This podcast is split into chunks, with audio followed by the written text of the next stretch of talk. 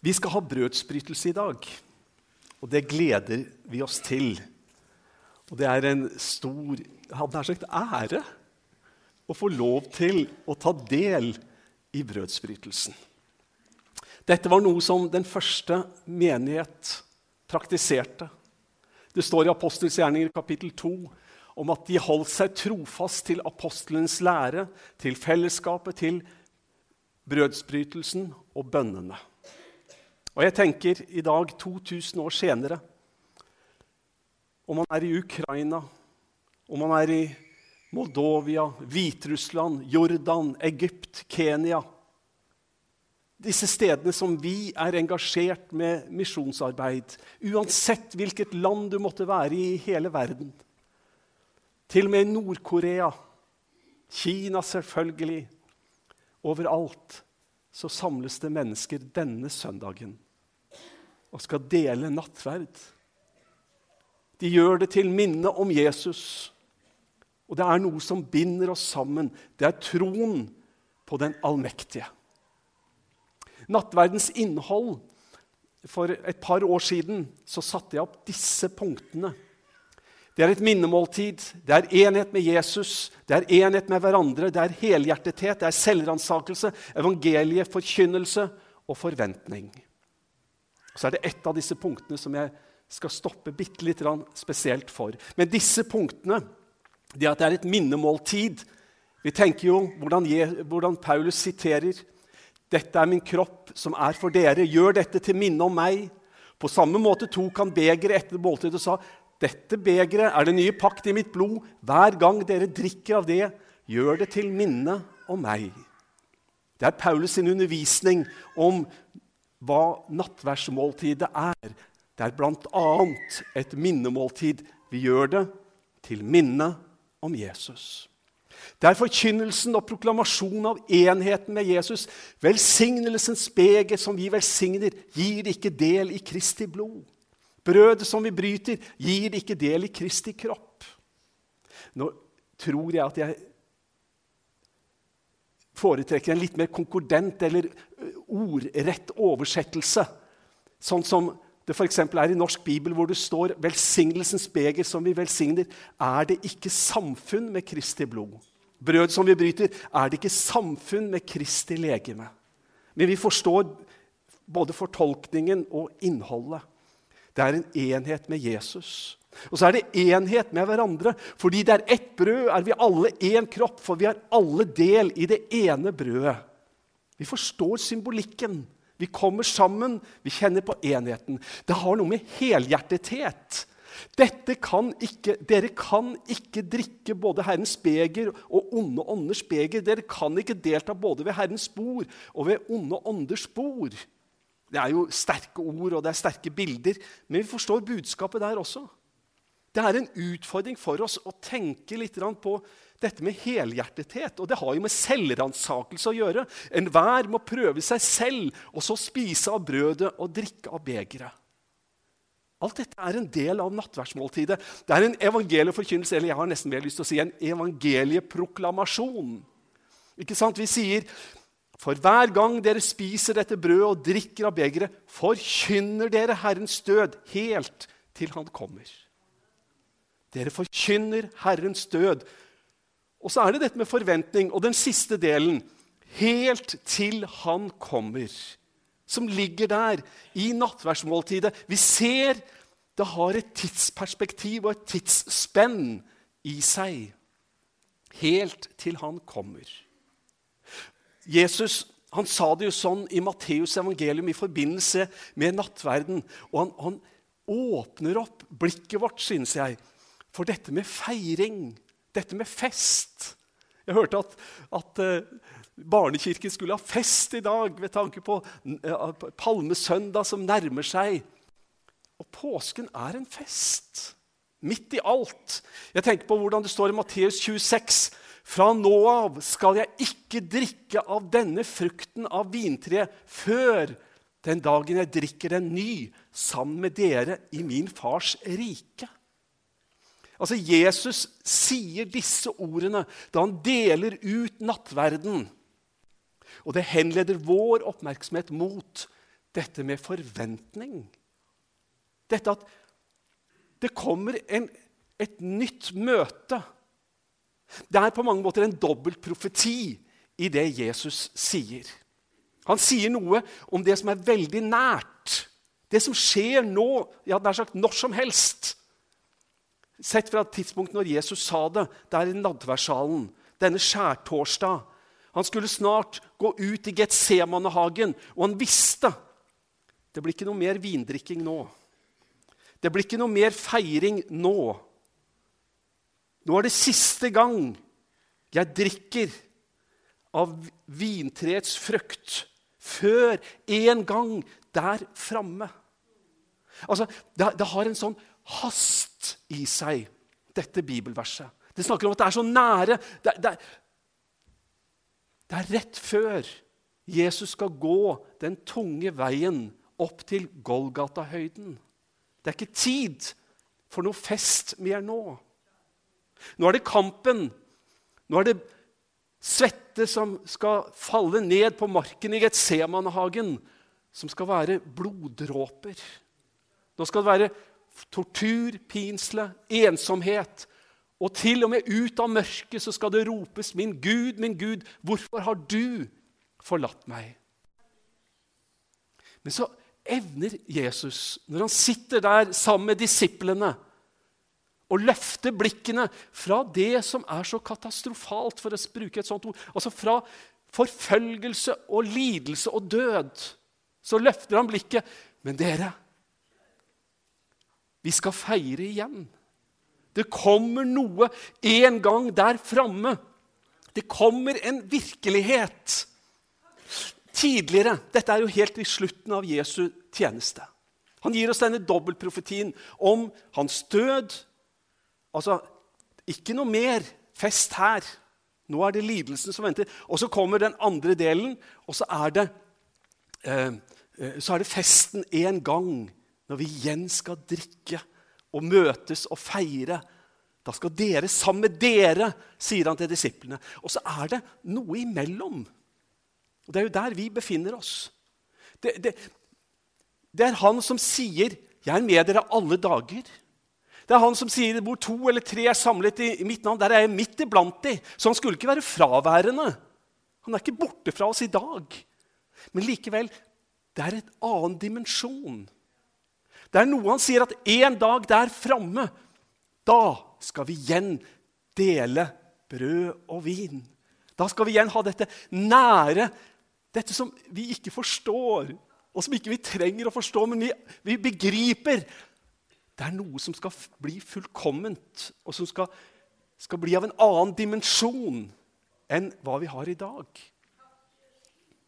I Lukas kapittel 4 så møter vi Jesus når han er der i Nasaret, i synagogen. Han får bokrullen, begynner å lese, og han leser om et nådens år fra Herren.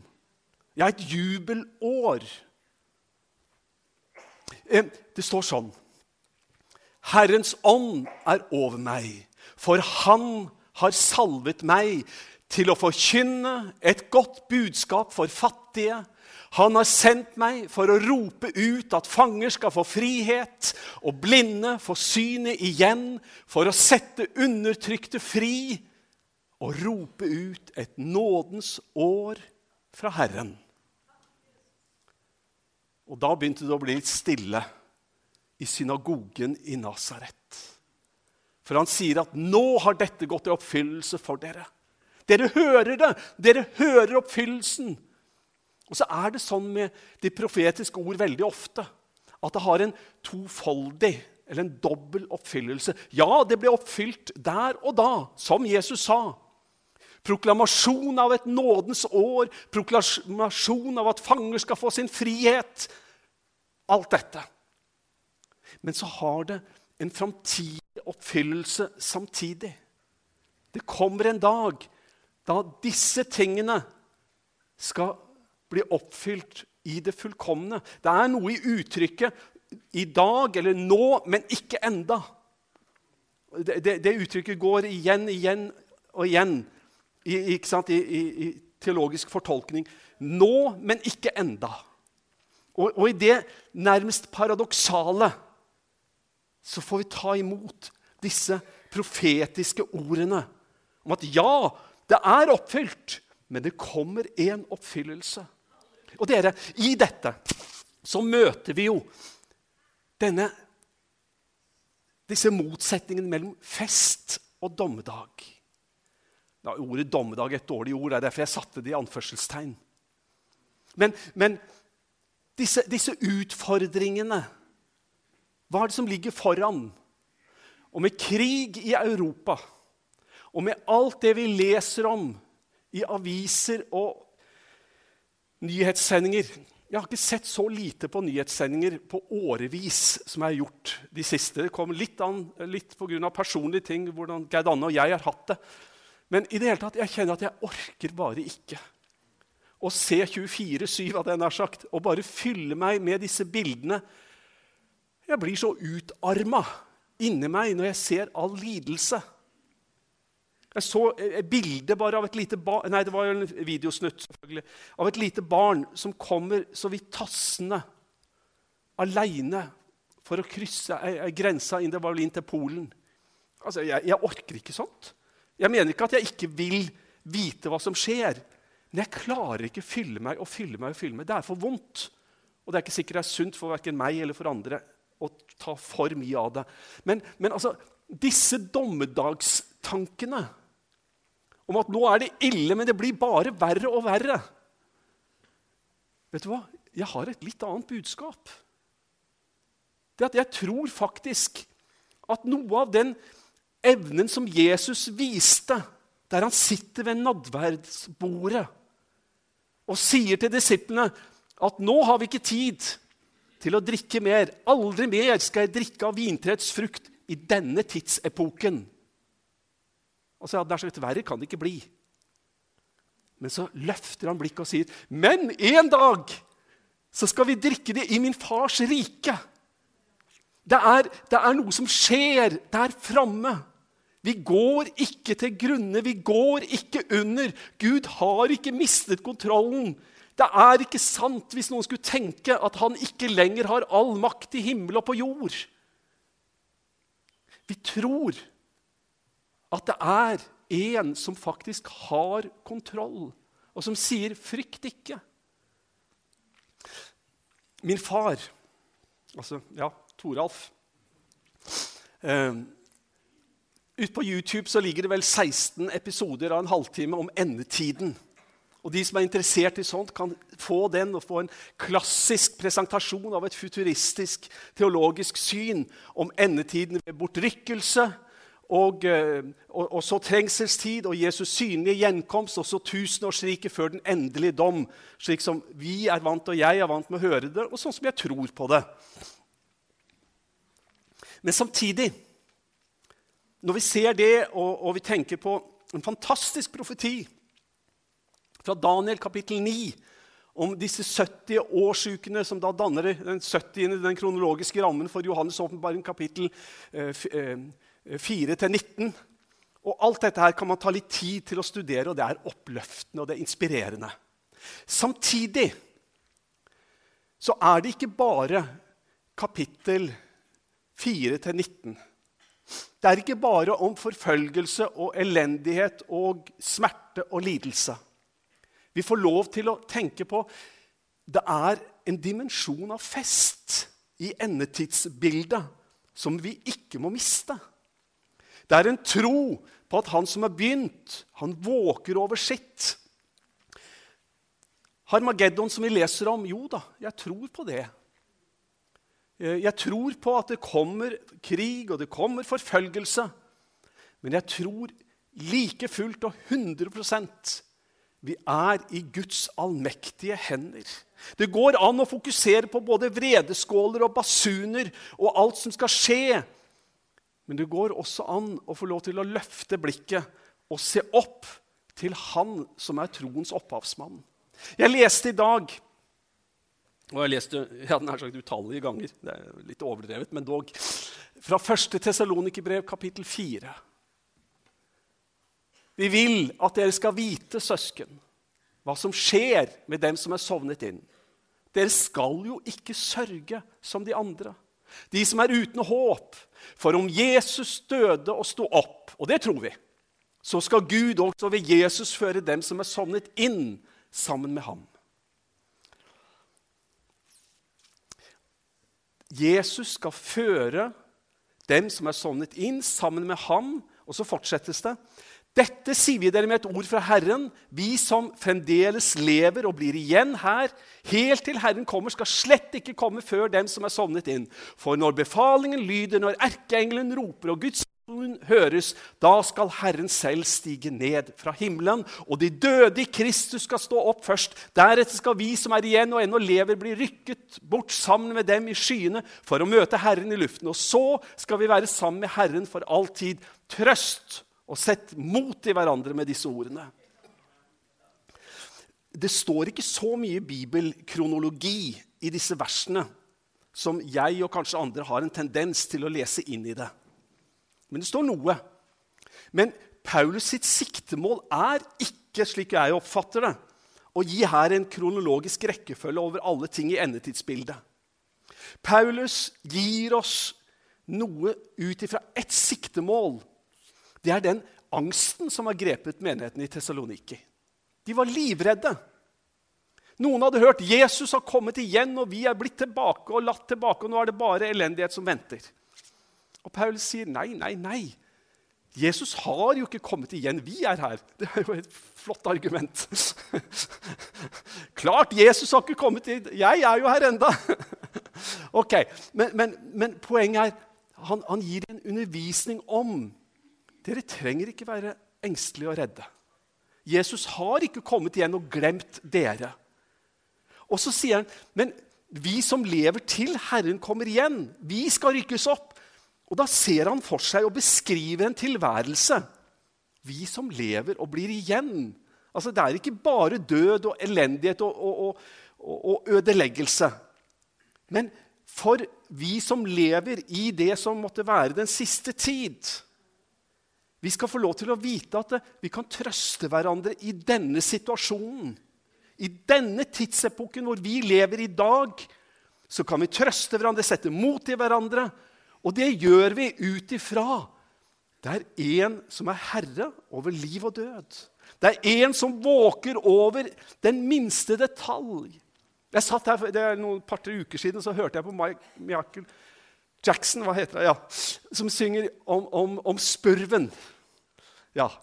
Og, og hvordan Gud, Guds øye følger spørven, og hvordan ingenting, verken stort eller lite, er verken for stort eller for smått for den allmektige. Og der har du og jeg en plass. Altså, trøst da hverandre. Og så er det litt om hvordan det går til slutt. da. Bare hør. Se, Guds bolig er hos menneskene. Han skal bo hos dem og de skal være hans folk. Og Gud selv skal være hos dem. Han skal være deres Gud. Han skal tørke bort hver tåre fra deres øyne, og døden skal ikke være mere. Heller ikke sorg eller skrik eller smerte. For det som en gang var, er borte. Og da har jeg lyst til å legge til Trøst av hverandre med disse ord. Sett mot i hverandre med disse ord. Det er en som har kontroll, og en dag Og jeg er så overbevist om at det er sant en dag skal urettferdighet ta slutt. En dag skal bomber aldri mer regne over uskyldige mennesker. En dag skal det ikke være verken krig eller vold eller forfølgelse eller undertrykkelse. For Gud setter en stopper for det. Gud kommer til å si nei, nå er det nok. Og da blir det slutt. For det er bare kjærligheten som kommer til å seire. Det er bare hellighet og renhet og rettferdighet. Det er Gud slik som Gud er. Det er det som kommer til å vare ved. Slik Gud er. Han skal til slutt fylle alt i alle. I Matteus 26, sånn som vi leste Fra nå av skal jeg ikke drikke av denne frukten av vintreet før den dagen jeg drikker den ny sammen med dere i min fars rike. Det var perspektivet for Jesus da han delte ut brødet og vinen til disiplene der i nadværsalen. Han vet hva som venter. Han vet hvordan de skal forlate ham. Han vet hvordan Peter skal banne og sverte på at 'nei, jeg er ikke blant den gjengen der'. Han vet hvordan de skal komme til kort. Og han visste vel litt om deg og meg også. I sin allvitenhet om svakhet i menneskenaturen og alt dette greiene. Og så sier han, men dere Jeg skal drikke den ny sammen med dere i min fars rike. Og dere, da skal du og jeg være der. Jeg skal få lov til å ta imot av brød og vin. Og jeg er regna med. Jeg syns det er stort. Og om det skulle bli både forfølgelse og lidelse, om det skulle bli tunge dager og hva enn det måtte være Vi kan løfte vårt blikk, og vi kan vite det er én som har kontroll. Det er én som er allmektig Gud. Og en dag skal vi sitte og bli betjent og få lov til å ta del i det himmelske nattverdsmåltidet. Og alt dette og mye, mye mer er det i dette som vi skal få lov til å ha. Nattverdsmåltidet som vi deler med hverandre. I Jesu navn. Amen.